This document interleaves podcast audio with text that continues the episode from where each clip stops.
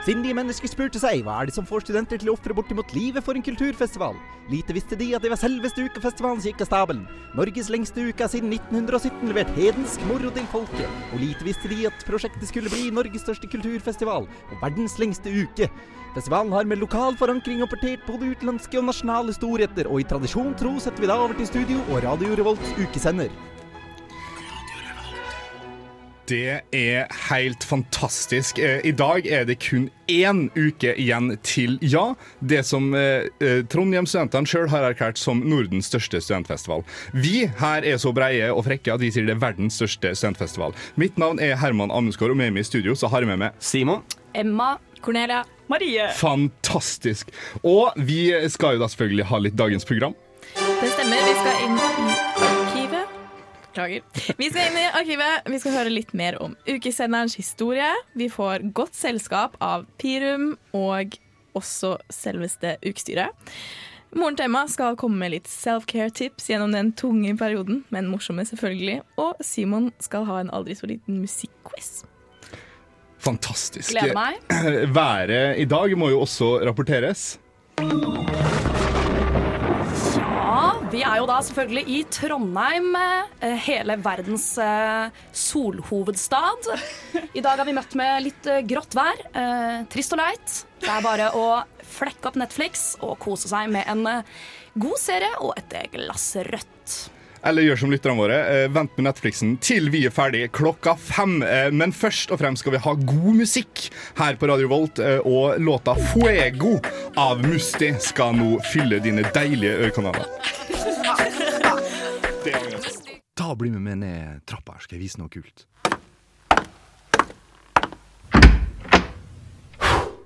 Arkivet. Året er 1933, og kontinentet er urolig.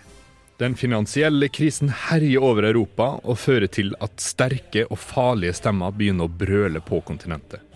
En liten østerriker med rar bart har bl.a. blitt tildelt makt i Tyskland og snakker om ekspansjon og fordums storhet. Folgendes habe ich namens des deutschen Volkes und der deutschen Regierung zu erklären. Ved den urokkelige studentbyen ved Nidaroselvens utgang er tankene langt vekke fra det urolige Europa. Her er studentene i full gang med å planlegge årets studentfestival, kjent som Uka. En av disse gruppene er ARK, eller Akademisk radioklubb. En gjeng som holder mye på for seg sjøl på huset og bygger radioer. I 1933 har de endelig fått tillatelse av Kringkastingsbyrået i Norge til å faktisk sende sendinger på radio. Den første norske uavhengige kanalen som har fått tillatelse til å gjøre dette. Og uka byr på den perfekte anledninga.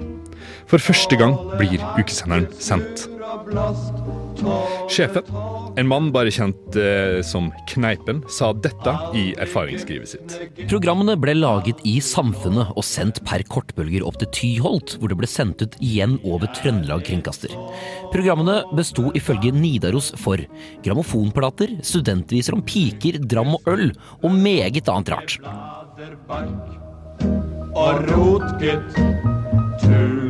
Ukesenderen ble med det et fast innslag.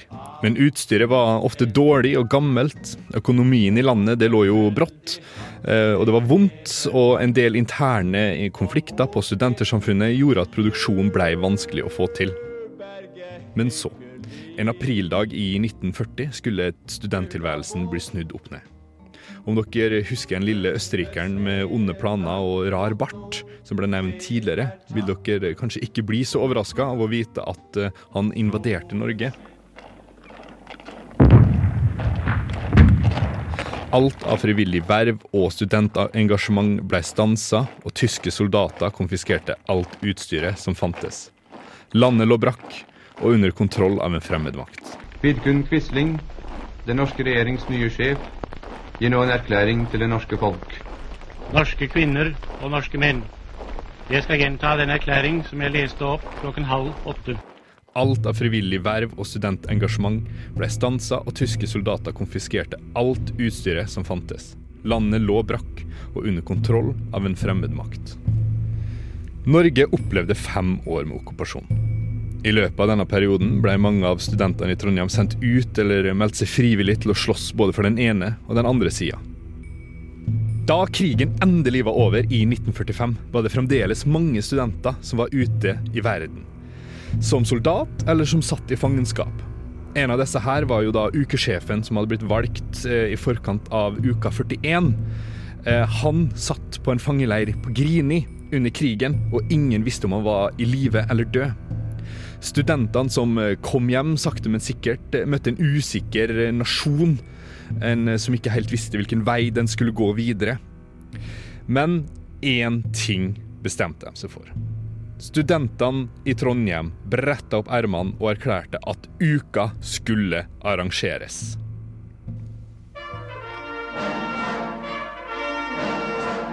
Det betydde også at det blei ukesender.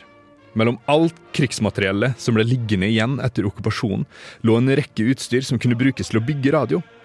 Man kunne si mye stygt om Tyskland under krigen, men man kan ikke vike fra den sannheten at de hadde bedre radioutstyr. Dette ble en sann glede for radiogjengen på Samfunnet, som nå kunne lage sin egen kringkaster. Som Kneipen forteller om her. Sendetillatelsen innløp telegrafisk under styrenachspielet på Go-Ahead. Mange studenter som hadde deltatt i krigen, hadde ennå ikke kommet hjem. Noe av hensikten bak å opprette en slik sender var at disse studentene skulle ha mulighet til å oppnå kontakt med sitt gamle miljø. Man hadde særlig norske kontingenter i Skottland, England og på Shetland i tankene. Dessuten ville en egen ukesender selvfølgelig gi uka et ansikt overfor Trondheims befolkning, og den ville skape god blest.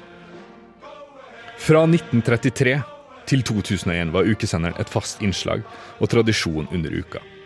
Etter 20 år brakk er den nå i live igjen, og muligens enda bedre enn før.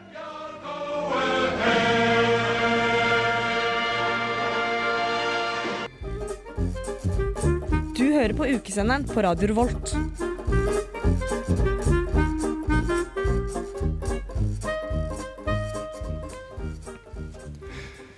Det er helt eh, korrekt. Eh, For første gang på 20 år, eh, med noen unntak, men dem snakker vi ikke om. Vi snakker aldri om unntak her på Radio Revolt. Så er da ukesenderen tilbake. Noe mange av dere som hører på, kanskje lurer på, er jo hvem er vi her i studio? Eh, og det må jo vi få lov å fortelle dere. Eh, og dere har jo fått navnene våre, men vi kan ta det på nytt, og vi skal ta det med en fun fact. Eh, og da er det navn, hvor vi er fra, hva vi studerer, og fun facten. Cornelia, har du lyst til å begynne? Ja, eh, mitt navn er jo da Cornelia. Eh, min fun fact Jeg vet ikke, det spørs hvor mange av dere som har vært i Trondheim over lengre tid, men vi kan skru tiden fem år tilbake. Det var mitt første år i Trondheim. Det var opptak. Og jeg var da en av de uheldige studentene som måtte drikke eddik. Så Den, ja. den, Kjent sak. Ja, men jeg kom fint ut av det, heldigvis. Så det var ikke, ikke varige men. Du endte ikke opp på permanent basis det semesteret på St. Olavs. Nei, heldigvis ikke. Nei. hvordan unngikk du å havne der? Um, det var egentlig at det smakte så vondt. Jeg tok den shotten, og så bare Det var helt forferdelig, så jeg måtte bare spytte det ut. Og det tror jeg var et eh, godt valg. Det gikk litt verre med de som, eh, Som ikke gjorde det. som Litt ikke flaks skal man ha. ut. Litt flaks skal man ha. Eh, Marie? Ja, det er meg. Ja. Jeg er eh, her for første året, så jeg visste ikke at det var en greie å drikke eddik. Jeg visste heller ikke at det var farlig å drikke eddik. Men det er jo veldig Det er sånn kjekt å crazy, vite. crazy eddik fra laboratoriet. Men er, det ikke, unnskyld, men er det ikke vanlig å drikke sånn epleeddik? Det har jeg hørt før. Jo, altså man kan jo bruke eddik i mat og diverse, Ja. men ja, det var vel noen som hadde lyst til at uh, vi skulle ha det litt ekstra jævlig, da.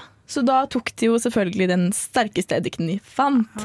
Og den skal jo egentlig brukes til å ja, jeg vet ikke, skrubbe gulv og så videre. Ja, ikke sant, så Den etser bort liksom innvollene litt sånn. Mm, Det er var den gode ånden vi har kommet hit for å være en del av. Det er eh, fint. Ah, det er deilig innslag til eh, Trondheim. Et slag for god helse. Fantastisk. Da, hva, hva er din fun fact, da, Marie? Min fun fact den er litt eh, kortere, det, men jeg er veldig stolt av den. Det er at jeg har hypermobile ledd i tærne. Og jeg tenker at Hva vil det eh, si?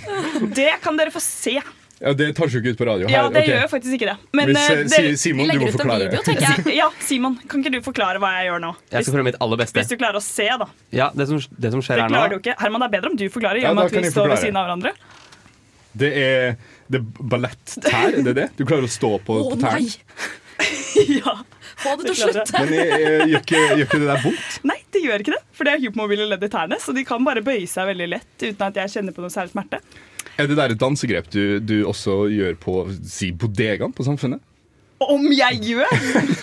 Selvfølgelig. Ja. Eh, Jeg tenker at Når jeg skal på twerkekurs, så kan jeg bare gjøre det bare sånn stående på tærne. Fordi da får det litt mer sånn strutseeffekt. Det er litt sånn spennende. Så ja. Så vi har eddik og strutseffekt. Eh, Simon, Yes. hvem er du, eh, og hva er din fun fact? Jeg heter Simon, og jeg er fra Oslo. Jeg studerer musikkteknologi. Jeg er veldig glad i musikk og gleder meg masse til eh, all mulig musikalske innslag på uka. Min fun fact er også litt eh, musikkrelatert, for jeg er litt ensidig person. Um, og det er at jeg har vært inne i turnétraileren til DDE med Bjarne Brøndbo i baris. Nei! Og det er jeg veldig stolt over. Men, men eh, sang du baris, da? Eller måtte uh, tralle dem? Tralle er på egne sanger? Eh, akkurat da var det litt sånn der før konsert-hype. Så Ja. De sto i sånn ring, og så hadde plutselig bare Bjarne Brøndbo tatt av seg T-skjorta. Og det var utrolig fascinerende. Som, han gjør. Han gjør jo det. Ja, han han gjør jo det. det veldig, han har liksom ekstremt tynne bein og ekstremt stor overkropp. Det var veldig interessant å se. Og så samler de seg i en sånn sirkel, og så liksom hyper de hverandre opp og står og jubler og hopper og sa noe på sånn trøndersk som jeg ikke skjønner, for jeg er fra Oslo. Men, men er, det, er, er Bjarne Brøndbo eh, den flotteste trønderen i 50-åra uten skjorte? Spørsmålet går til salen. Nei. Nei, OK. Da, Emma. Gjenstår å se. Kan du fortelle litt om, om deg sjøl? Eh, ja, jeg heter jo Emma, som nevnt. Eh, er også fra Oslo og studerer industriell design. Det er gøy. Ja. En eh, fun fact om meg. Um, ja, jeg har vært innlagt på sykehus i Bratislava. Fordi? Ja, eh, da var jeg altså eh, litt for liten til å være på eventyr alene. Eh, fant ut at vann er dyrt, så det driter vi i. Eh, ble dehydrert. Jo, jo. Ble dehydrert, plukket opp med Brattislaskisk eh, sykebil. Eh, Som det heter. jo, heter. Ble ført til et eh, sykehus som ser litt ut som sånn reklame for Husk eh, helseforsikring. Ja, ja, den if-forsikringa, liksom. Yes, du vet den med den svære edderkoppen. Ja, ja, ja. Så der har vi meg, 17 år. Um, så når jeg da skal dra fra dette sykehuset, så um, Yes, do you uh, know anyone in uh, Bratislava? Any family? Any friends? Og jeg bare No, no, uh, nobody there. Uh, so, uh, and you're uh, younger than uh, 18 years old? Uh, yes, uh, very young. Um, so technically I'm your father. Sier da denne legen. Um, trist for meg. Måtte bestikke en dame på hotellet for å late som hun var tanten min.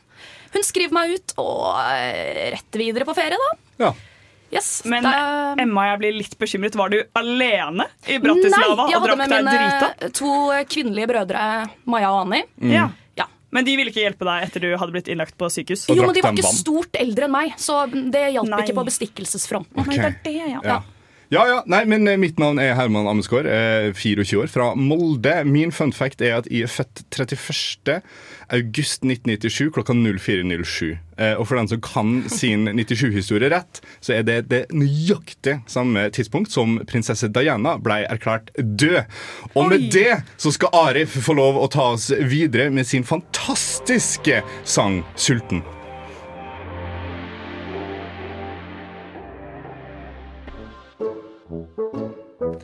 Dette er ukesenderen.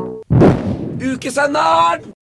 Det er helt korrekt. eh, Og under uka så er det jo eh, veldig mange, spesielt på Møllenberg, som forbinder de tre ukene som uka består av, av fyll. Noe av eh, dette kan jo bli ganske slitsomt i lengden. eh, Og derfor så har vi jo bestemt oss for å gi noe self-care-tips. Eh, Er det noen som har lyst til å gripe ordet her? Hva er deres beste tips? Simon er på med én gang. Jeg tenker at eh, under uka, så vidt jeg har forstått det, så er det utrolig mye som skjer, og man er ute og farter. Og det kan at man eh, glemmer å prioritere kollektivet og de man bor med. Oi, så ja. mitt beste self-care-tips er å sette av en god kveld med kollektivet. Det er eh, poppe litt popkorn og trekke ut fint eh, sovesofaen, så man kan eh, legge seg oppi der alle sammen. Se på noe koselig på TV. Det er som et close kollektiv. klemme litt. Det, ble- det er mitt tips. Her er Marie veldig på fra sida. Ja, og i forlengelse av det, Du hintet til det innledningsvis, Herman, så er det jo bare det å flytte til Møllenberg. Fordi vi kan ikke ha fest lenger. Vi får 10 000 kroner i bot. I går så fikk jeg en sånn der løpeseddel i posten som var skrevet fra barna i, på Møllenberg, hvor det sto vi synes at det er litt skummelt når det er så Det mye er rein bråk etter klokken 11. må, unnskyld, men de må skjerpe seg. Jeg blir så provosert. Det er grusomt. Det er forferdelig. Ja, jeg blir kjempe... det er ikke sikkert Kåre på 50 som har sittet og skrevet med venstrehånda. Det ja, ja. går ikke. Masse skrivefeil var det også. Så. Nei, men det er jo beleilig da at det er rolig etter klokken 11, og det er faktisk det. Det kan jeg bekrefte. Ja, Emma. Eh, vi har jo innført en eh, ny greie i kollektivet som vi kaller for eh, yogadusj. Og det er jo da altså at du drar frem eh, alle mulige skrubber, stearinlys, diskolys, litt sånn fin jazz. Okay. Og så står du der til det ikke er mer varmt vann igjen. Det kaller vi en yogadusj. Du må gjerne ha med litt snop. Da, Et da glass står rødvin. hele kollektivet i samme dusj og liksom Eh, skrubbe ja, og mate Sånt kollektiv er vi, da. Vi Ja, har ikke sovesofa, men eh, fellesdusj.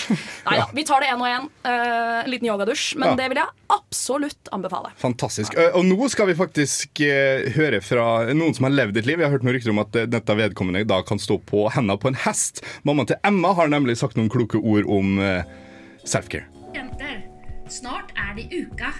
Og da må dere huske å ta godt vare på dere selv, men også ta godt vare på hverandre.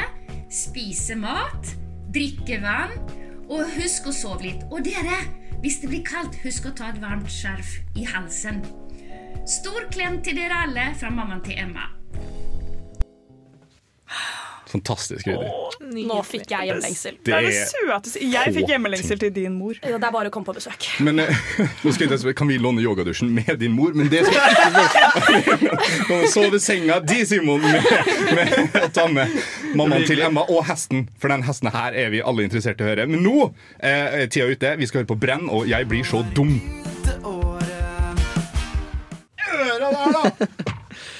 Ukesenderen! Ah, det knur reit i ørekanalene, det her, ja!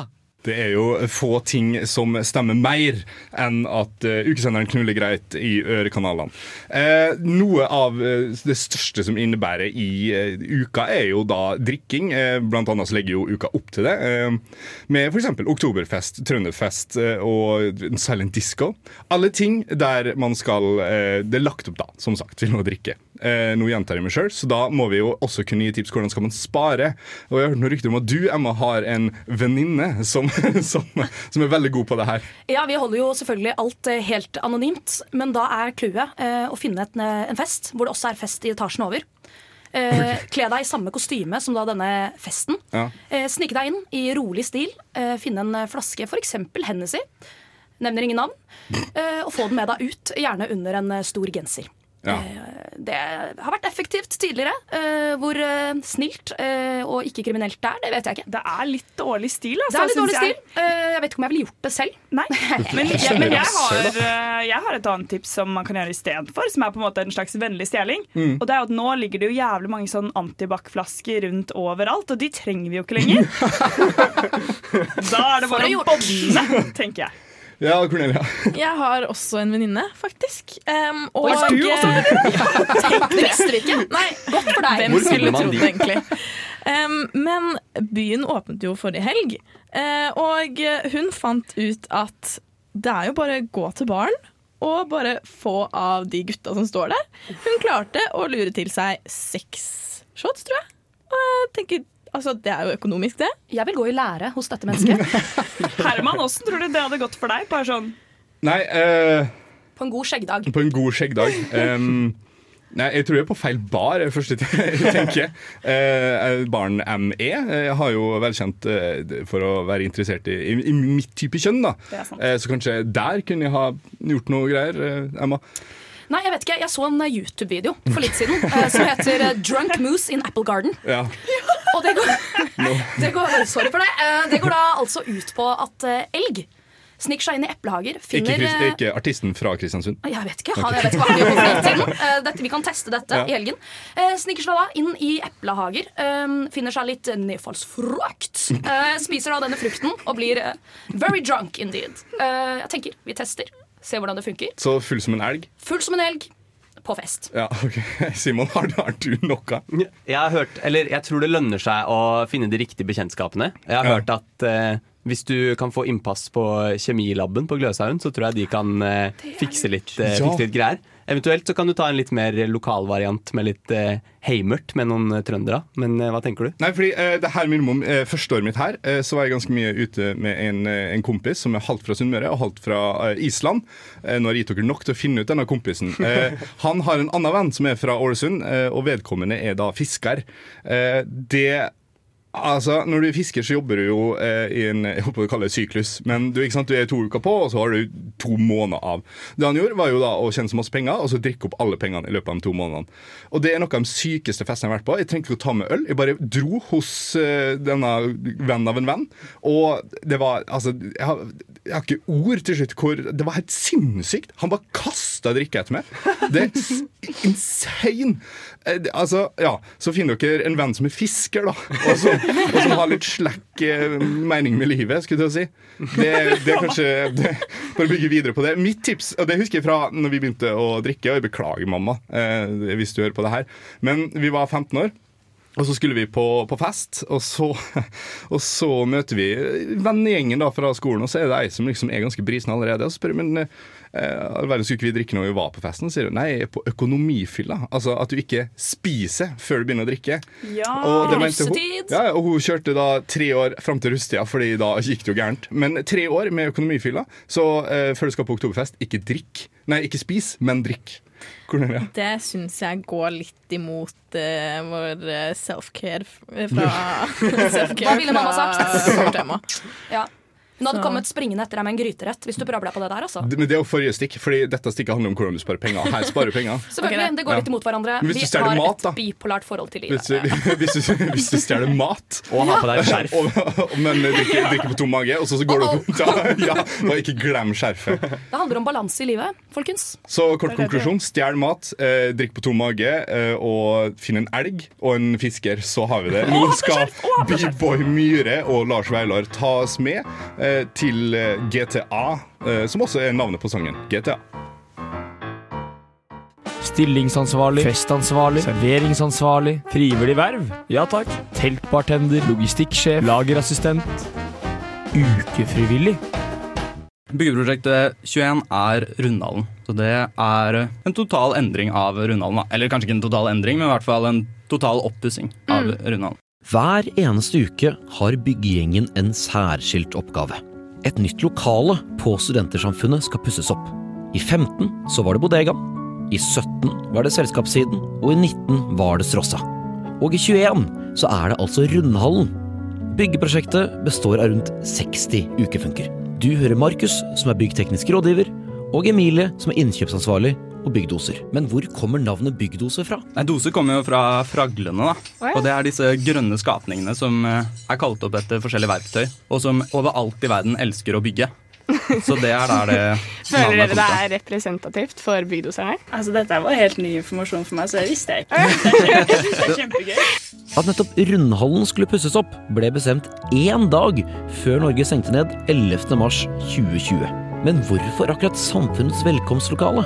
Nei, jeg tror, så vidt jeg har skjønt på prosessen, da, så sto det mellom rundalen og klubben. Eh, men klubben blir en gjennomfartsåre og kommer til å endres totalt når eh, nybygg kommer opp. Og i den forbindelse så trenger de også sykt mye mer eh, garderobeplass. Så, og, og så er det jo alltid en diskusjon om man skal ta mellomlokalene eller alle rotundene og sånn på Samfunnet. Og jeg, det er det jo ingen som har så veldig, veldig, veldig lyst til. Så det blir jo bare utsatt og utsatt og utsatt. Så, så da var Rundhallen det beste alternativet. Selve oppussingen startet for alvor rundt påsken i år. Vi spurte om hva duoen tenkte at kommer til å bli det kuleste i den nye Rundhallen. Oi, det er skummelt. Det kuleste med den nye Rundhallen er at man på en måte kommer inn på samfunnet og blir tatt imot på en mer majestetisk måte enn det man har gjort tidligere. Det er et helt annet inntrykk enn det man på en måte er vant til fra de andre lokalene da, på huset. Det kommer til å bli fryktelig Ja, majestetisk er et greit ord. Det, det kommer til å bli utrolig flott. Og det er jo hjertet av på en måte hovedbygget, den runde delen av huset. Og det er inngangspartiet, og det, det, det, er, det er kjempefint, altså. Dørene kommer til å bli flotte, og det er et skikkelig flott eh, lokale. Høy takhøyde, og det er Mm. kjempefint der. Men uh, har det vært noen særlige utfordringer? Det har vært eh, veldig mye utfordringer. Det er jo, eh, for alle de som har jobba noe særlig med tre, så vet man at eh, med en gang man skal bygge rundt, så er det ikke bare bare. Så det har vært på en måte en av hovedtingene, da, er at rundene skal fortsette å holde sitt på en måte runde estetikk. da. Og da krever det at man finner måter å komme seg rundt det på. Mens utfordringene har stått i kø, har det vært én ting som har gått langt raskere enn planlagt.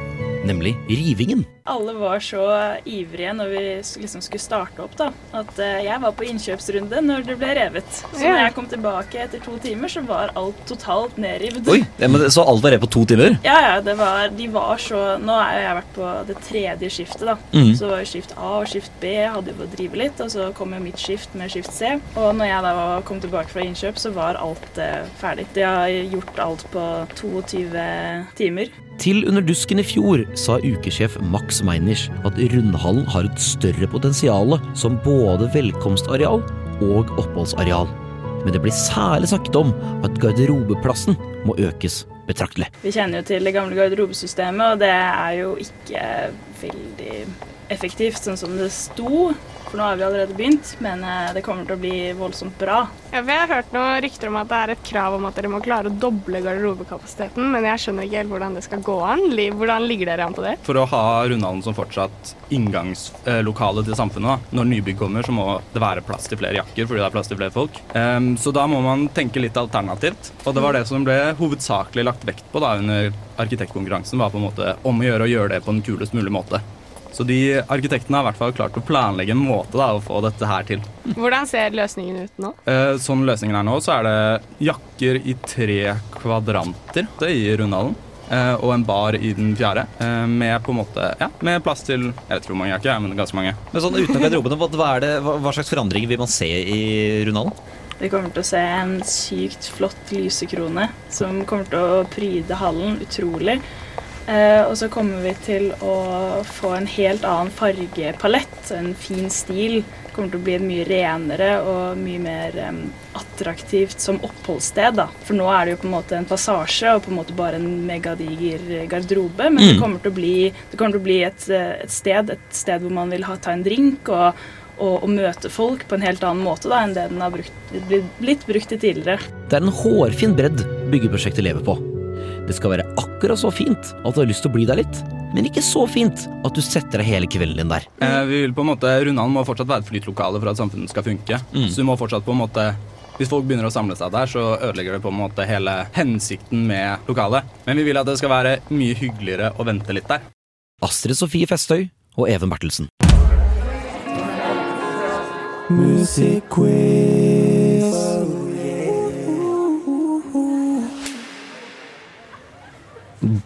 Da har jeg lyst til å ønske alle sammen hjertelig velkommen til første utgave av Musikkquiz. Yes, Det er jo utrolig mye bra musikk som skal bli spilt under uka. Så vi skal, eller jeg har eh, tatt utfordringen i å teste dere andre. Så det blir egentlig en utfordring for dere. Om dere kjenner til eh, all musikken som skal eh, vise fram her. Så før vi setter i gang, så har jeg bare lyst til å male et lite bilde her da, for å danne situasjonen. For dere har jo selvfølgelig lyst til å dra på konserter på uka. Og dere har prøvd og prøvd å få tak i billetter, men det er noen eh, datafolk som har hacka seg inn før dere og fått alle billettene, så dere har ikke fått noe som helst. Dere står utenfor konsertlokalet og prøver så sårt å høre på hva som blir spilt der inne.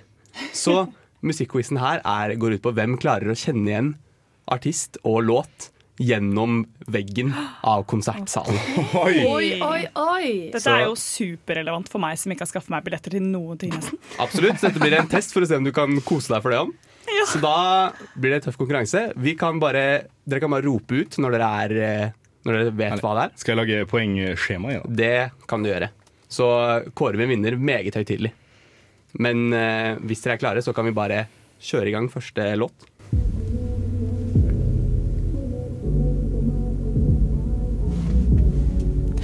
Musti!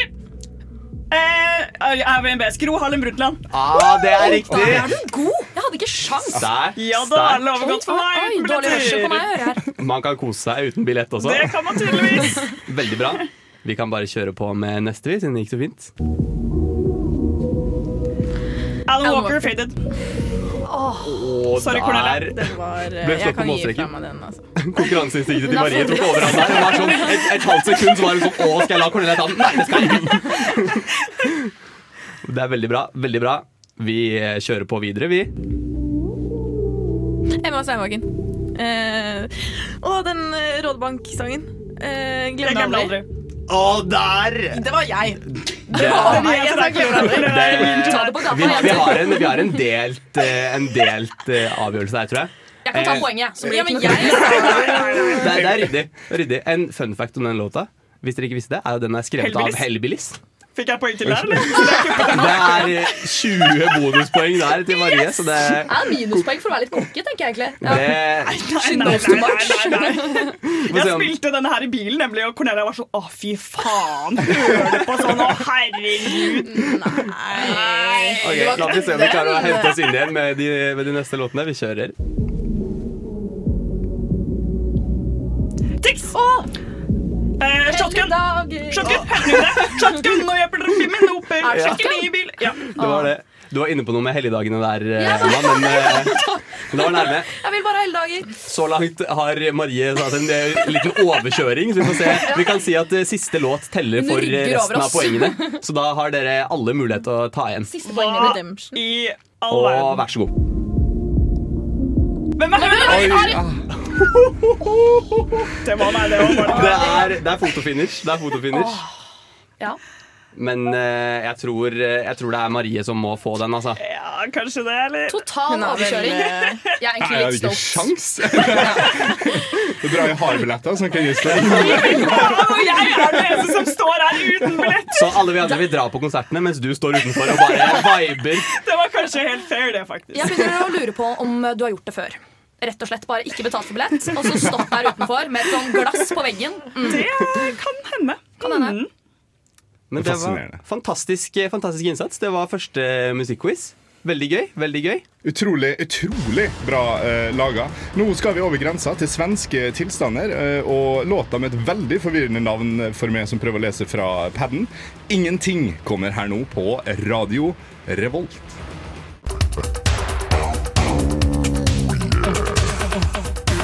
Ukesenderen på Radio Revolt. Vi har jo da tatt eh, litt bruk av, av din eh, påbegynte utdannelse, Simon, eh, og ukeprogrammet. Jeg Skal være så ærlig at det hele starta når vi satt på og prøvde å lage sendeplan, eh, og du sa det der er dritkult, det er russisk track nede i en kjeller på 90-tallet. Og så sa vi hæ? Så velkommen til Snevert med, med, med Simon. Eh, Fordi hva er det man eh, burde oppleve i uka som, som unngår liksom de store navnene i Dødens dal, f.eks.? Ja, Det som eh, er viktig, er jo at det er utrolig mange kule, store navn som skal opptre. Men vi har også mange av de mindre navnene. Kanskje de som kommer til å headline om noen år, eller de som bare er eh, undergrunn. Eh, og i dag ble det sluppet inngangsbilletter til Samfunnet til de forskjellige dagene. Anbefaler veldig å sjekke ut de, for det er utrolig mye kult. Blant annet at hvis du er på tur til Se for deg at du er i Moskva, og det er en eh, mørk og varm kveld, og du blir tatt med av noen veldig, kanskje litt for hyggelige russere rundt et hjørne og inn på en liten klubb. Den følelsen. Ja, Den Ja. gode følelsen der. Og den musikken du da hører, kan du f.eks. høre hos eh, Fox Korska, som er et eh, type russisk via Norge-klubbprosjekt som du kan se på Samfunnet. Så det er utrolig mye gøy da man kan oppleve hvis man leter litt. Dæven. Hva for noe sjanger er det de Hva er det, liksom?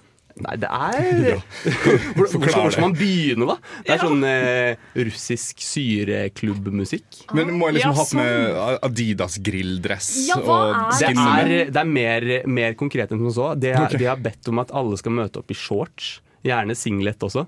Det blir varmt. De har Du- bedt om det. det, det, er, det er et ønske. Men det er kaldt i Russland. Men inne på eh, knaus er det varmt. Der er det varmt. Det er Der er det solid poeng! Absolutt. Så hvis du møter opp med shorts, singlet, Adidas-sko og gjerne skinne deg i tillegg, så er det Da kommer du til å ha en meget fin kveld under Ja. uka. Får man drikke hva man vil, eller er det utelukkende Koskenkorva? Eller hva det heter? Åh.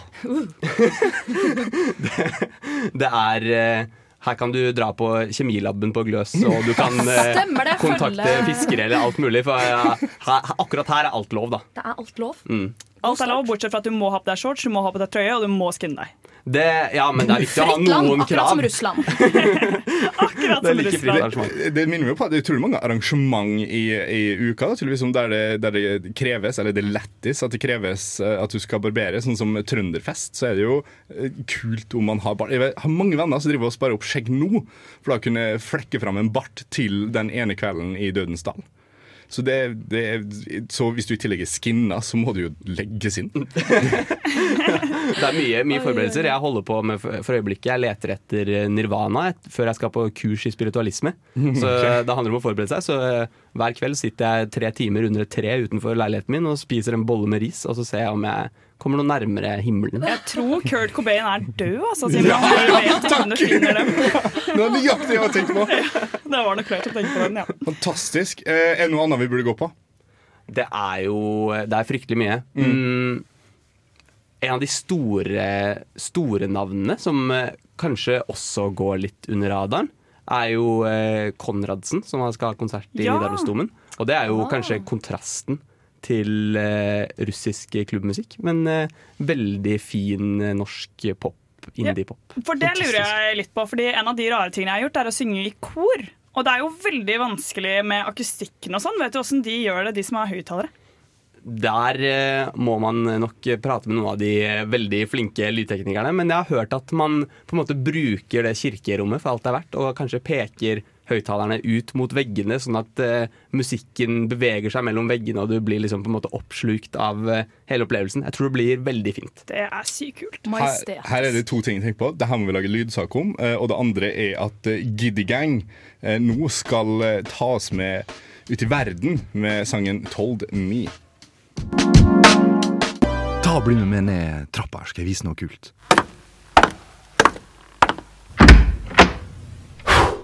Arkivet.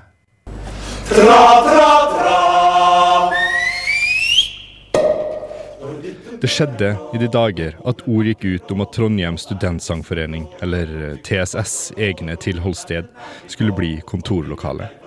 Sjefen for tilholdsstedet, Trygve Hestad, hadde en annen visjon. Etter flere kamper endte tilholdsstedet som halvt kontor og musikalsk vannhull for sangforeningen. Kompromisset? Jo, det var at TSS måtte bidra med et kor til uka. Og slik ble Pirum til. Den 2. oktober 1965 opptrådte Pirum for aller første gang. Flasken skal du belle ned i ditt hjerte. Det vil smerte. I deres første opptreden i 65 sang Pirum iført kun underbukse, studentelue og hvit skjorte.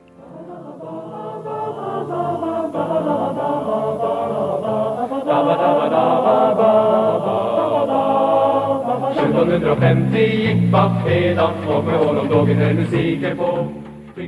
I dag er de ikledd den samme studenterlua, men med vadmelsbukser, ullstrømper og marsjstøvler, samt en halekåpe. Du har mest sannsynlig sett dem før, og du har garantert hørt dem før. Pirum er overalt og beriker studenthverdagen med sine lette og lystige toner. Møst i varje mässa, stöt i varje svit, ja, barockens musik var sannolikt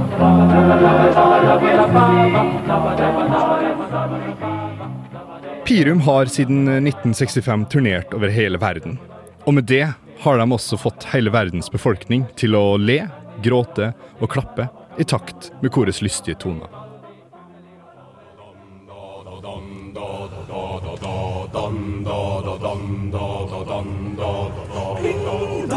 Er en mann, en trua bestand. Jeg har mista min sprut. Du er en kvinne, vakker gudinne, som kan danke meg ut. Ukesenderen er stolte og tar vel imot Pirums egen Baldur Kjelsvik.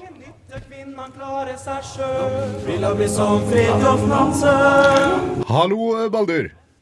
Kan du Ja, oss? hei, Hei! Da har du det bra. Ja, jeg har det egentlig ganske greit, altså. Har du det? Ja, for eh, til dem som hører på nå, så er jo du på telefon med oss. Eh, det er jo en, en, en ganske nyttig løsning, vil jeg påstå. Ja, det er jo det. Eh, Den fantes faktisk også i 1965, den telefonen. Men eh, den er kanskje blitt litt bedre. Fantastisk. Eh, og hvem er du? Jo, eh, jeg var med i Pirum eh, i 2017, 18 og 19. Eh, og vi, vi pleier å si altså Beklager, jeg har litt halsbetennelse. Det er jo derfor jeg er på telefon. Ja. Um, men jeg, jeg var med altså de tre årene, og da pleier vi å si at jeg var med i Pirum 17.1 og 17.2 og 19.1. Og Grunnen til det er fordi at uh, vi liker å si at et nytt Pirum-kull starter samme året som det er ukeår. da. Mm. Fantastisk. Eh, Du får bare holde på tråden, for vi må ha en kjapp låt. Eh, Og i anledning ditt eh, ærverdige besøk har vi jo da bestemt oss for å spille Montebello av ukekoret Pirum. Det er godt valg.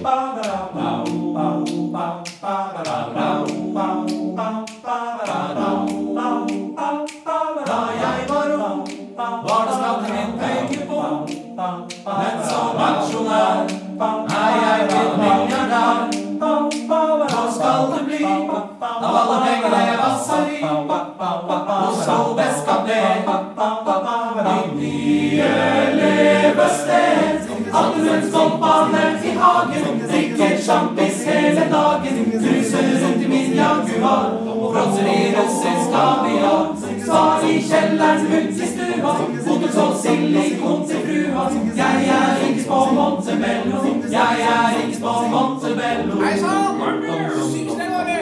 Jeg er ikke på Montebello. Herregud, så rik jeg er. Jeg kjøper alltid to, bare for å kunne kaste noe. Mitt livsmed har jo null å si. Ingenting å av pengene svømmer i. Shabby, hver dag en evig fest. Så ta med flytevest og bli med i pengebingen min. Kom og få litt årgangsvin i kaffen. Åtte nye Rolls-Royce i garasjen. Tre av dem med noe i hjemstallasjen. Gullbelagte fliser på terrassen. Egen bålmester på dassen. Hardanger. Med haveslanger. Jeg er riks på Montebello. Jeg er riks på Montebello. Jeg er riks på Montebello. Herregud, så rik jeg er. Men har nå penger alt å si? Fins det annet med verdi som kjærlighet? Har jeg virkelig misforstått? Men så åpner jeg alt i vasken min. Og jeg ler, og jeg ler, og jeg ler, hele veien til banken, og jeg ler. Hele veien til banken i min Ferrari, og en samtidig på safari. Har med malboks fylt med trøfler, og mozzarella ost fra egne vøfler. Symfoniorkester i heisen, fyrer med regnskogved i peisen. Jeg er ikke på Montebello. Atternuls bane i hagen, bader i sjampis hele dagen. Har ikke hund, har Jaguar. Frakterer seg Skavia. Åtte nye Rolls-Royce i garasjen, tre av dem Leno i emballasjen. Jeg er ikke på Montebello, jeg er ikke på Montebello. Herregud, så rik jeg er, herregud, så rik jeg er. Jeg er ikke på Montebello, jeg er ikke på Montebello.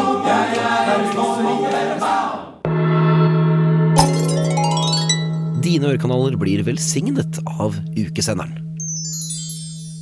Det var Montebello vi hørte der, altså. Og det var faktisk mitt første møte med Pirum. Og det var et veldig bra første møte. Først må vi sjekke. Baldur, er du der? Ja, Der, han er her. Så bra, Baldur. Men du, jeg lurer på, fordi jeg er jo ganske ny i byen, så jeg har ikke sett så mye til Pirum, eller hørt så mye til Pirum ennå. Kan du forklare sånn til oss nye rookies, hva er egentlig Pirum?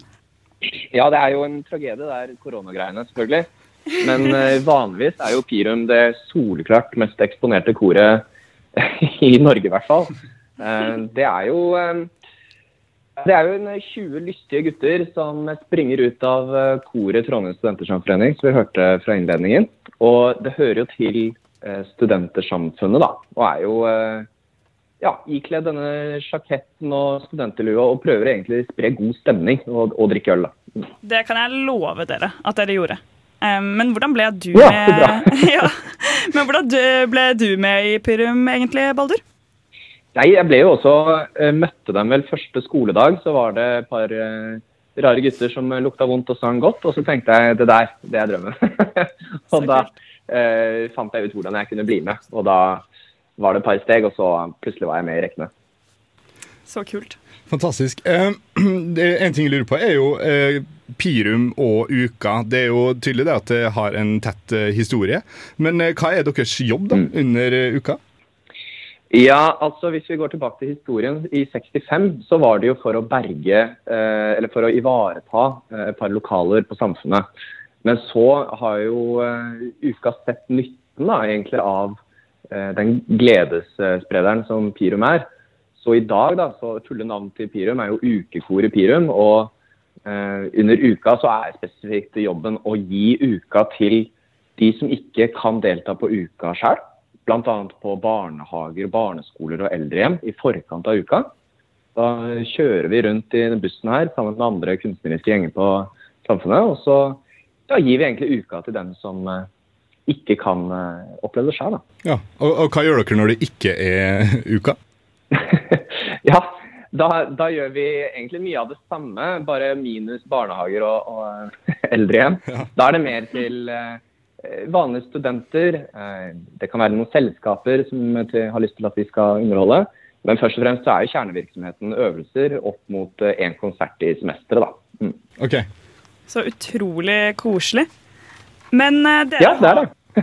ja. Men du, jeg lurer på en ting. Fordi Selv om jeg er ganske fersk student, så har jeg fått med meg at dere har noen litt sånn snåle tradisjoner. Og en ting som jeg bare må spørre om, er hva er Pirumbanken?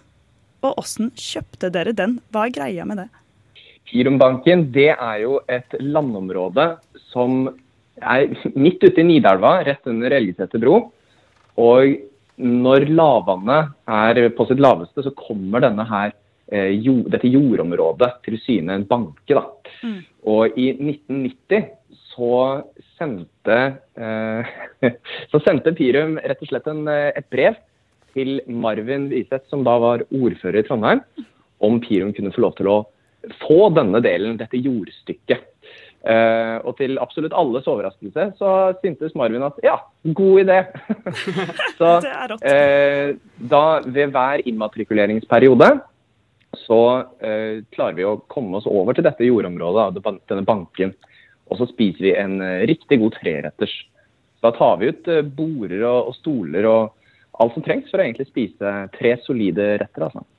Men det jeg har hørt da, da jeg, da, jeg, eller da jeg leste om den saken her, var at på en måte avtalen lyder som følger at alt land som kommer til syne når Nidelva på en måte senkes, er, eies av Pirum. Og med klimaendringer og diverse så vil jo vannet tørke ut, og Nidelva kommer til å forsvinne kanskje en dag. da. Og da er jo på en måte er alt resterende land i, på jorda eies av Pirum. Så jeg lurer på om dere har noen planer for kommende verdensherredømme? Eller hvordan det er med det? Ja, altså ja, det, For det første så stemmer det jo helt. Uh, Foreløpig så har vi ikke noe jusstudium her ved NTNU, så vi har ikke så mange som sier oss imot. Um, men ja, de, vi har faktisk et eget eh, bankenes arbeidsutvalg, et BAO, BAU. Og De eh, presenterer årlig store, luftige planer om hvordan vi skal innta verdensherredømme når, eh, når det måtte skje. Um, men det går litt sakte, og vi lever eh, ja, Vi får se. Det er jo kanskje ikke så lenge til nå, da. Mm. Fantastisk. Eh, Du får bare være på tråden. I mellomtida så skal vi spille litt musikk. Dette er ukesenderen. Ukesenderen! Yes, da er vi tilbake. Har vi deg fortsatt med, Baldur? Selvsagt. Selvsagt. Så bra. Du, Det var en ting jeg tenkte på nå mens vi hørte på denne sangen. Og det var jo det, På denne immatrikuleringen da kom det jo dere alle karene inn. Det er jo stas for oss på Dragvoll. Vi er jo bare jenter nesten. Ja. Og vi tenkte wow, for en sexappell disse har. Hvor Hva Eh, Hva kommer denne sexappellen til Pirum av, tror du? Bortsett fra at vi kan nytes i eh, alle mulige dimensjoner, inkludert lukt, så tror jeg nok, eh, så tror jeg nok egentlig det er raggsokkene som gjør det. Altså. Ja. Jeg tror det er det som er eh, Jeg lurte på det. Hva, hva er lukten til Pirum? Nei, det er svett, da. Det er svett. Eh, Men eh, bare for å eh, tilbake til eh, raggsokken og diverse, da har vi lyst til Kan du fortelle oss litt om historien bak det veldig karakteristiske antrekket? Ja, her blir det egentlig mest spekulasjoner. Fordi de som, eh, de som lagde det, eller satte det sammen, de eh, tror jeg eh, har dødd. Mange av dem i hvert fall.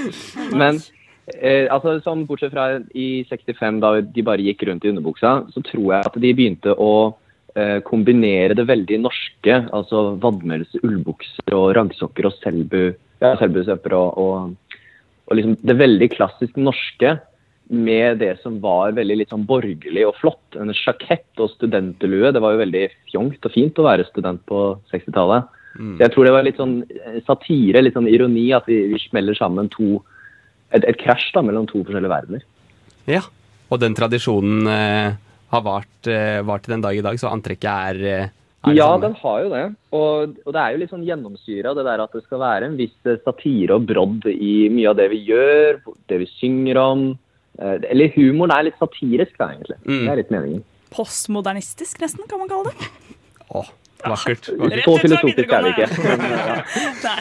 Men, ja. Eh, men jeg har hørt noe, også hørt noe om at eh, de raggsokkene deres, er det sånn at de må vaskes i Nidelva? Eller hva er greia med det? Altså, de må ikke vaskes i Nidelva. Eh, poenget er at hvis du skal i det hele tatt vaske noe av pyronklærne, så må det skje i Nidelva. Mm, sånn er det. Da fikk vi forklart lukten, i hvert fall. Ja, ikke sant. Så det er jo kanskje derfor, ja. Mm. Ja. Men eh, eh, dere er jo eh, en gang et kor, og vi kan jo eh, stille litt spørsmål om det også. Så jeg er litt nysgjerrig på sånn eh, Hva er deres på en måte beste og verste, eller din da, med Pirum, beste og verste musikalske opplevelse? Oi. ehm, det er jo svært mange høydepunkter, naturligvis, og nesten ingen eh, lavpunkter. Det er jo det er klart, det. Heldig med det. Eh, faktisk forrige uke så sang vi jo eh, midt utpå eh, gressplenen på Lerkendal stadion foran 10 000 eh, del, eh, publikummere. da. Det var et, det var jo gøy. Eh, men bortsett fra det så er det ja, det, det har vært mange lavpunkter, f.eks. når vi har sunget foran barnehagebarna, og de har begynt å gråte fordi vi var, så kanskje litt vel eh, slemme ut, eller lukta vondt. Eh, men eh, nei, høydepunktene er faktisk kanskje når vi, når vi knekker litt pils etter å ha gjort et eller annet som er slitsomt, og bare synger for oss selv, da. Mm. Fantastisk. Eh, hvor er det man kan oppleve Pirum under uka? Veldig kjapt her nå. Ja, veldig kjapt. Du kan se oss på 8. oktober. Da har vi storsalskonsert natt til eh, 9. oktober. Da. Det blir jo liksom høydepunktet. Mm. Så til alle som hører på, eh, handler det da om å komme seg på konserten eh, 8. oktober. Og så må vi takke for at du tok turen, eh, selv i din tilstand. Beklager at vi maser sånn. Eh, Selvsagt. Det var bare en glede. Fantastisk. Da skal vi jo selvfølgelig høre litt eh, ukemusikk, eh, og hvem bedre enn Gabrielle til å ta oss videre med inn i denne torsdagen. Her får du fem fine frøkner.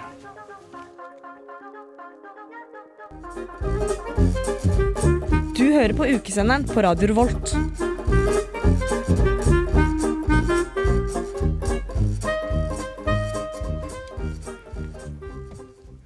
Det er jo fullstendig korrekt, eh, og det har seg jo sånn at det er nøyaktig én uke til uh, uka er i gang. Uh, så vi har jo da fått med oss to stykker fra styret til å snakke om uka før uka. Hvem er dere to? Jeg heter Maren, er PR-sjef.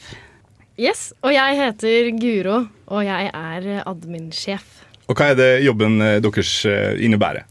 Nå er det mye egentlig å jobbe som eh, et ukestyre. Vi har jo nå flytta ned på Samfunnet fra Trafoen, så nå går vi egentlig rundt og passer på at alle har de tilgangene de skal, at alle har alt de trenger for å kunne gjøre jobben sin. Ja. Og, og du, da? Ja, nei, eh, det går mye i det samme. Så eh, det er litt eh, Handler mye om å bare være til stede og løse opp i de problemene som dukker opp. Bare sørge for at ting går som det skal. Og vi har jo, er jo så heldige at vi har så mange flinke folk, så som regel går ting som de skal òg. Så bra. Da eh, har vi Cornelia. Jeg vet Du er jo klør i fingrene etter å stille noen spørsmål. Ja, ja. Um, ja, det er jo Uka er jo utrolig stort, og det tar jo mye tid. Og da tenker jeg spesielt for dere som har vært med helt fra starten.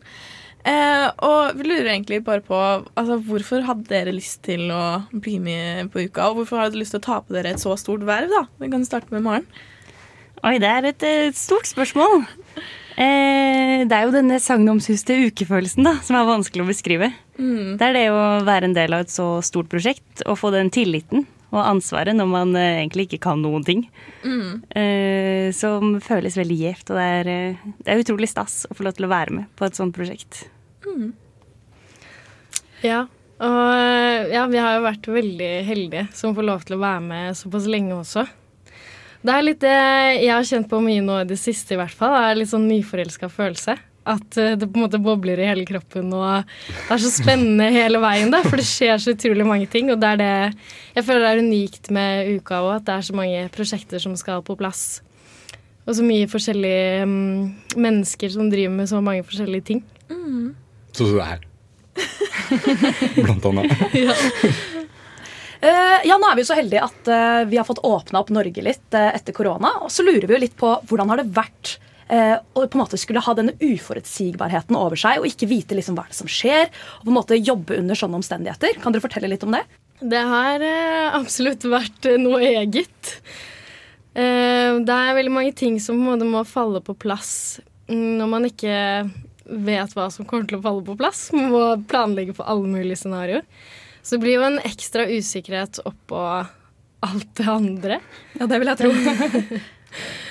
um, man, jeg får kjenne på at jeg er veldig takknemlig for at det er så mange som har håndtert det veldig bra. Uh, det har jo vært ekstra på en måte belastende i planleggingen for mange. Men det er veldig mange som har veldig forståelse for det også. Og jeg føler at alle tingene vi har gjort, har egentlig bare økt sannsynligheten for at, det blir en, for at uka blir en suksess. Og det kommer det jo til å bli. Jeg har i hvert fall veldig stor tro og tror det kan bli kjempegøy og veldig fint at vi får danse litt ordentlig. Det er det jeg gleder meg mest til, i hvert fall.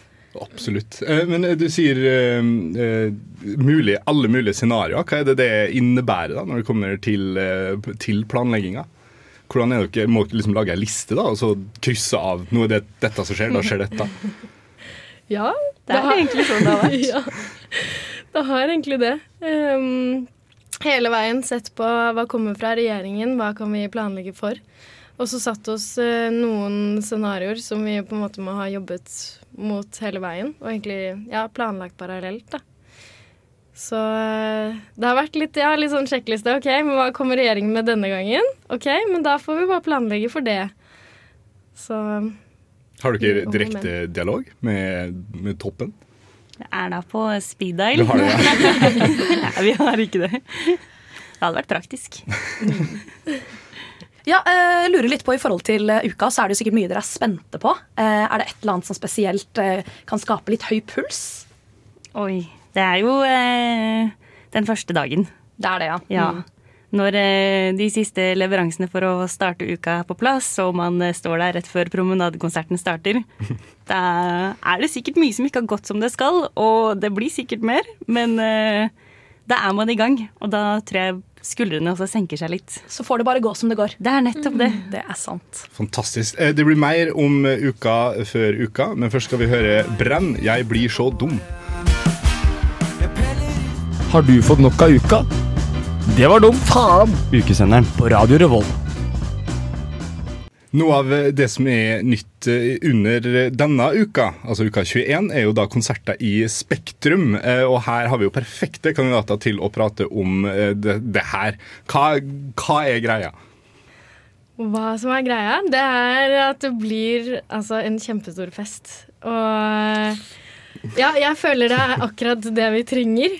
Og at um, det var jo kanskje litt vel ballsy av oss å satse på at uh, det er i år vi skal kjøre det største arrangementet som vi har kjørt noensinne. For dere booka Spektrum før dere visste om noe som helst om gjenåpning? Ja. Ja. Det er så sprekt! Men eh, ja, det, det, altså, det kommer til å bli en kjempestor fest, og det kommer til å bli eh, masse mennesker samlet eh, i klynge og med masse svette og alt det vi ikke har fått. Det vi liker aller best. Men og Hvordan gikk dere fram da for å få, få til det her? For det, det er kommunalt, er det ikke? Da, så måtte dere, Hvordan var prosessen da med Trondheim kommune? Det har vært en lang prosess. Det er jo arenaseksjonen som har jobba mest med det. Mm. Eh, så de har jo holdt på flere år, egentlig. Eller Uka Yes. og Spektrum initierte jo dialog for ganske lenge siden. Ja. Og så har sjølve avtalen da, hatt et års utarbeidelsestid. ja, Så det var ikke et ja med en gang. Eh, Det var jo et ja, men det er mye, det er mye detaljer og Ja. mye ting som må på plass. Mm. Er, det, er det noe dere har lyst til å, å snakke om her? Eh, det vi kjenner kanskje ikke så mye til detaljene der. Det er mye sånne tekniske konsertting. Ja. ja. Nei, nå har dere jo nevnt eh, Spektrum. Jeg går ut ifra at dere er ganske fornøyd med å ha fått det på plass. Men er det noe annet som dere kjenner at dere er veldig stolt? En artist som er sånn, dere har kriga litt ekstra for å få tak i? Et eller annet som dere er veldig stolt av og har fått til eh, i forhold til årets uka? Og det er så mye. Eh, hva skal vi trekke fram da? Nei, nå er det egentlig sjølve gjenåpninga. Og det at det er så Ja. mange som har holdt motet oppe og fortsatt planlegginga da, i en så usikker tid. Det er kanskje det vi er mest stolt av. Og folk har jo måttet jobbe for, eh, for tre scenarioer hele veien. Ja, det blir jo virkelig tre ganger så mye arbeid. Det blir litt Og det, da. uforutsigbarhet. Men uh, nå er dere i mål. Nå er vi i mål. Yes. Nå skal uka åpne Norge. Ja, er, det, er, er det hype? Eh, Kommer Erna, liksom? Eller det blir vel sta, Støre, da? ja, Erna, ja. ja. Ja, Hun har jo tida, så hun kommer mest sannsynlig. Ja. ja kanskje vi får invitere henne på en konsert. Må nesten det. Ja, for hva er, hva er drømmekonserten til Erna Solberg, tror dere? Oi, jeg gjetter nesten Kurt Nilsen. Ja. Tror dere ikke det? Men på, på, det, det, tror jeg. Men på ukeprogrammet? Hvis det er én ting hun har lyst til å se. Jeg føler jo det må kanskje bli eh, Gabrielle, da. Ja. Som det er eh, fra gamle trakter. Ja, for vi må til Bergen. Vi må nok Ja. til Bergen. Det gir jo mening. Det gjør jo det. Så det eh, Men eh, dere, hvor lenge har dere vært studenter her i byen? Jeg er på mitt sjette år nå. Oi, såpass, ja. Så du har vært med en del Godt uker? kjent. Godt kjent. Så hva er din, Når starta din første ukeopplevelse? Hvordan var den? Det var eh, promenadekonserten til uka 17. Mm. Da, jeg var ikke med på uka sjøl, men jeg var med i studentfrivilligheten ellers. Hadde kjøpt meg studentlue på Finn. Eh, og husker det veldig godt at jeg hadde ståplass, men det var fortsatt veldig stort. Så gøy. Ja, eh, for eh, vi har jo en del som er nye i byen. Eh, Kan man fortelle om åpningskvelden? Hva er det som skjer da? Da fyller vi teltet i Dønsdal for første gang. Da er det korene og orkesteret på Samfunnet som har en promenadekonsert. Mm. Og det er taler og show. Så eh, turer man ned til Samfunnet, og så er det avdukning av ukenavnet klokka tolv. Så er det dansing i gatene og allsang og Det er flott. Kjenner at jeg gleder meg voldsomt til det. Det må jeg bare si. Blir det fyrverkeri i år òg? Det blir dessverre ikke fyrverkeri. Men det går bra. Det skal jeg klare å. Ta en tur til Sverige og kjøpe litt eget. Spare 10 000 en annen gang. Jeg ser jo for meg at den smeller. Eh, vi må gå videre på låt, eh, ser jeg her. Eh, nå står det jo 'Back in the Day', så da er det jo mest sannsynlig den vi skal spille. Eh, og for den observante lytter, så er det jo da Kisen som har denne eh, fantastiske lille trudelutten. Ukesenderen! Ja, um, nå er det jo uka 21, men vi tenkte vi kunne jo mimre litt og se på forrige uka, nemlig uka 19. Og vi er veldig interessert i å høre hva dere likte aller best derfra. Jeg vet ikke om dere har noe som bare plutselig dukker opp. Noen spesielle minner. Kan Ja. Jeg, jeg har masse gode minner. Jeg jobbet under uka 19 òg. Jeg syns det var veldig gøy. Og jeg vil dra frem uh, Alesso-konserten, fordi jeg syns det er veldig gøy å være på EDM-konsert. Og bare danse og ha det veldig gøy. Mm, den støtter jeg faktisk. Hva med deg, Maren? Eh, For min del så var det uketoget. Eh, gjengen min jobba med det, så det var, eh, Ja. det var veldig stas. Vi hadde vært og jobba mye ute i regnet, men den dagen var det sol, og det var Ja. eh, god stemning. For det var jo det var nytt i fjor, nei, under 19, ja. Eller ja, det har vært tidligere, men det tok dere opp nå, og det blir i år også. Stemmer. Og det, hvilken dato var det? Det er neste Det er 9. oktober. 9. oktober ja. Da er jeg klar med joggesko. Mm. Ja. Ja, det er bra. Ja, ja, du kan høre livedekning her på Radio Revolt. Kortreist moro. Ja. ja, det er bra. Dere tilbringer jo sikkert mye tid sammen. Eh, blir det mye irritasjon? Har dere oppdaget noen litt sånn dårlige vaner hos hverandre? Vi har vel fått litt sånn søskenforhold, mange Ja. av oss. Så det, det er litt deilig at det går an å smelle litt fra seg, og så kan man si unnskyld etterpå. Ja, bare få det sagt, tenker jeg. Hvor, hvor mange er dere i, i styret? Vi er sju. Sju stykker. Ja, da er jo da er en stor søskenflokk. Ja, da blir, absolutt. Ja. Uh, og med uh, Hvordan er dere uh, Altså, jeg ser for meg at er det, noe, my- er det mye konflikt? Der er mest Dere er jo, dere er jo en flink gjeng. Det virker jo som dere er veldig innforstått med andres arbeidsoppgaver og sånn. Men hva er det som er konfliktområdene, da? Konfliktområdene Det er eh, egentlig ikke så mye. Eller sånn overraskende lite, egentlig. Fordi vi er veldig kjærlige med hverandre og passer veldig på hverandre. Og det er viktig når vi også har eh, mye ansvar på skuldrene. Mm. Og på eh, den samme tida, eh, hvordan er det sosiale i ukestyret? For det er jo en gjeng jeg burde vært med i. Ja, vi henger jo mye sammen eh, hele tiden, så det er, eh, vi prøver å ha et skille mellom jobb og sosialt. Ja. Så at vi prøver å legge bort telefonene litt og sånne ting. Men eh, ja, vi er glad i å dra på en fest. Men det er også deilig med noen rolige middager sammen. Ja, Det vil jeg tro. Full fest hver dag blir kanskje litt i overkant. Det kan bli litt i overkant. Men man har godt av det òg. Ja, det har man godt av. Får ristet litt løs. Men nå er det jo sikkert mange som vet eh, hvem dere er når dere går liksom rundt på Samfunnet, og mange som kjenner igjen dere. Hvordan takler dere kjendislivet? Vi sier ofte at eh, det er ingen som vet hvem vi er. Og det syns vi nesten er litt sant? deilig. Ja, vi har jo Max som tar mye av den, eh, den støyten. Ja. Ja. Men uh, det, Det er er jo fjeset bare utad, liksom. Ja. riktig. Skjønner. Fantastisk. Eh, Vi holder på å gå ut av tid, men jeg må jo kjapt lure hva er deres liksom, favoritthistorie med dette prosjektet dere har holdt på med nå ganske lenge? Uh, uka før uka, Uh, landet akkurat åpent. Hvordan, hva er liksom deres favoritthistorie da, av den prosessen dere har vært igjennom nå? Rett før det smeller. Og vi satt eh, noen i Edgar um, da det var pressekonferanse. Mm. Og det var en, en helt sånn surrealistisk stemning. Det var mye grining og mye klemmer og mye kjærlighet, så det er nok noe av det jeg kommer til å huske aller, aller best. Så selve eh, da, da vi fikk beskjed om at nå blir landet åpna igjen. Ja. Fantastisk. Eh, og det passer jo ikke bedre enn at Musti nå skal synge inn OK rosa blomst. Vi må takke dere for at dere stilte opp. Det setter vi utrolig pris på. Og så snakkes vi jo mest sannsynlig under uka. Yes.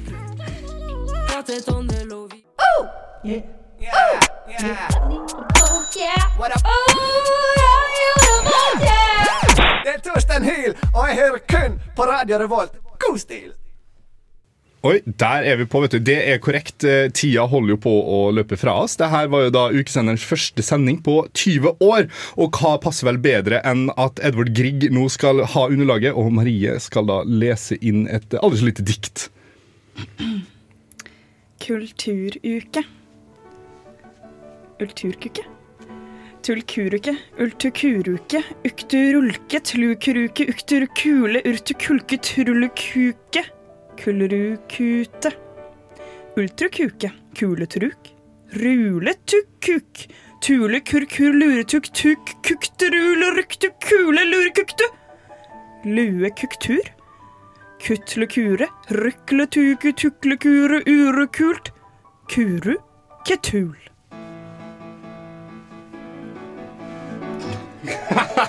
Jeg klarer ikke. Eh, og ingenting er bedre. Vi kan gjerne stoppe underlaget nå. Nei, det litt til. Ha litt til. Fordi nå er jo gapen min fullstendig off charts, men jeg tror det går bra. Eh, det som er fint å tenke på, er jo at uansett eh, hvor du er hen eh, i verden eh, nå på denne torsdagen, så er det kun én uke igjen til uka. Og der fikk vi opp gapen, så vi har ett minutt eh, med tid på lufta å fylle. Og hva er vel bedre enn en kjapp speedrunde på den ene konserten alle gleder seg mest til? Simon, du begynner. Jeg tror kanskje, som jeg var så vidt inne på i stad, at jeg gleder meg mest til Konradsen i Nidarosdomen. Jeg må si uh, Veronica Maggio tror jeg blir gøy. Stemmer uh, for det samme. Uh, pluss Gabrielle, ikke minst. Jeg gleder meg også helt sykt mye til det, men for å si noe annet så må jeg nesten si Arif, som jeg nesten nettopp fikk pressepass på. Tusen takk, Cornelia, for at venninnen din kom på besøk, og jeg tæsja den rimelig greit. Så da, da forventer vi selvfølgelig en anmeldelse når den tid runder. runder. Omma! Og Da- jeg og Simon skal gjøre det sammen. Det blir knall. Det blir ikke bare anmeldelse, det blir, det blir show. Og det er bare å glede seg. Det blir så bra. Jeg kjenner jeg gleder meg masse, og det høres jo ironisk ut, men jeg er sånn dønn seriøst, jeg gleder meg masse. Det høres er- alltid ironisk ut når en moldenser sier det. Det er, det er min, min store svakhet med dialekten. Men nok en gang så har jeg jo dialekt, og den må jeg bare eh, ha. Eh, vi må selvfølgelig takke tekniker for at det har gått så fantastisk på lufta i dag. Eh, det har vært en ære. Eh, nå må vi også takke for oss sjøl. Ha det bra. Ut så kommer Sueva med 'Don't Have a Clue'. Ha det bra.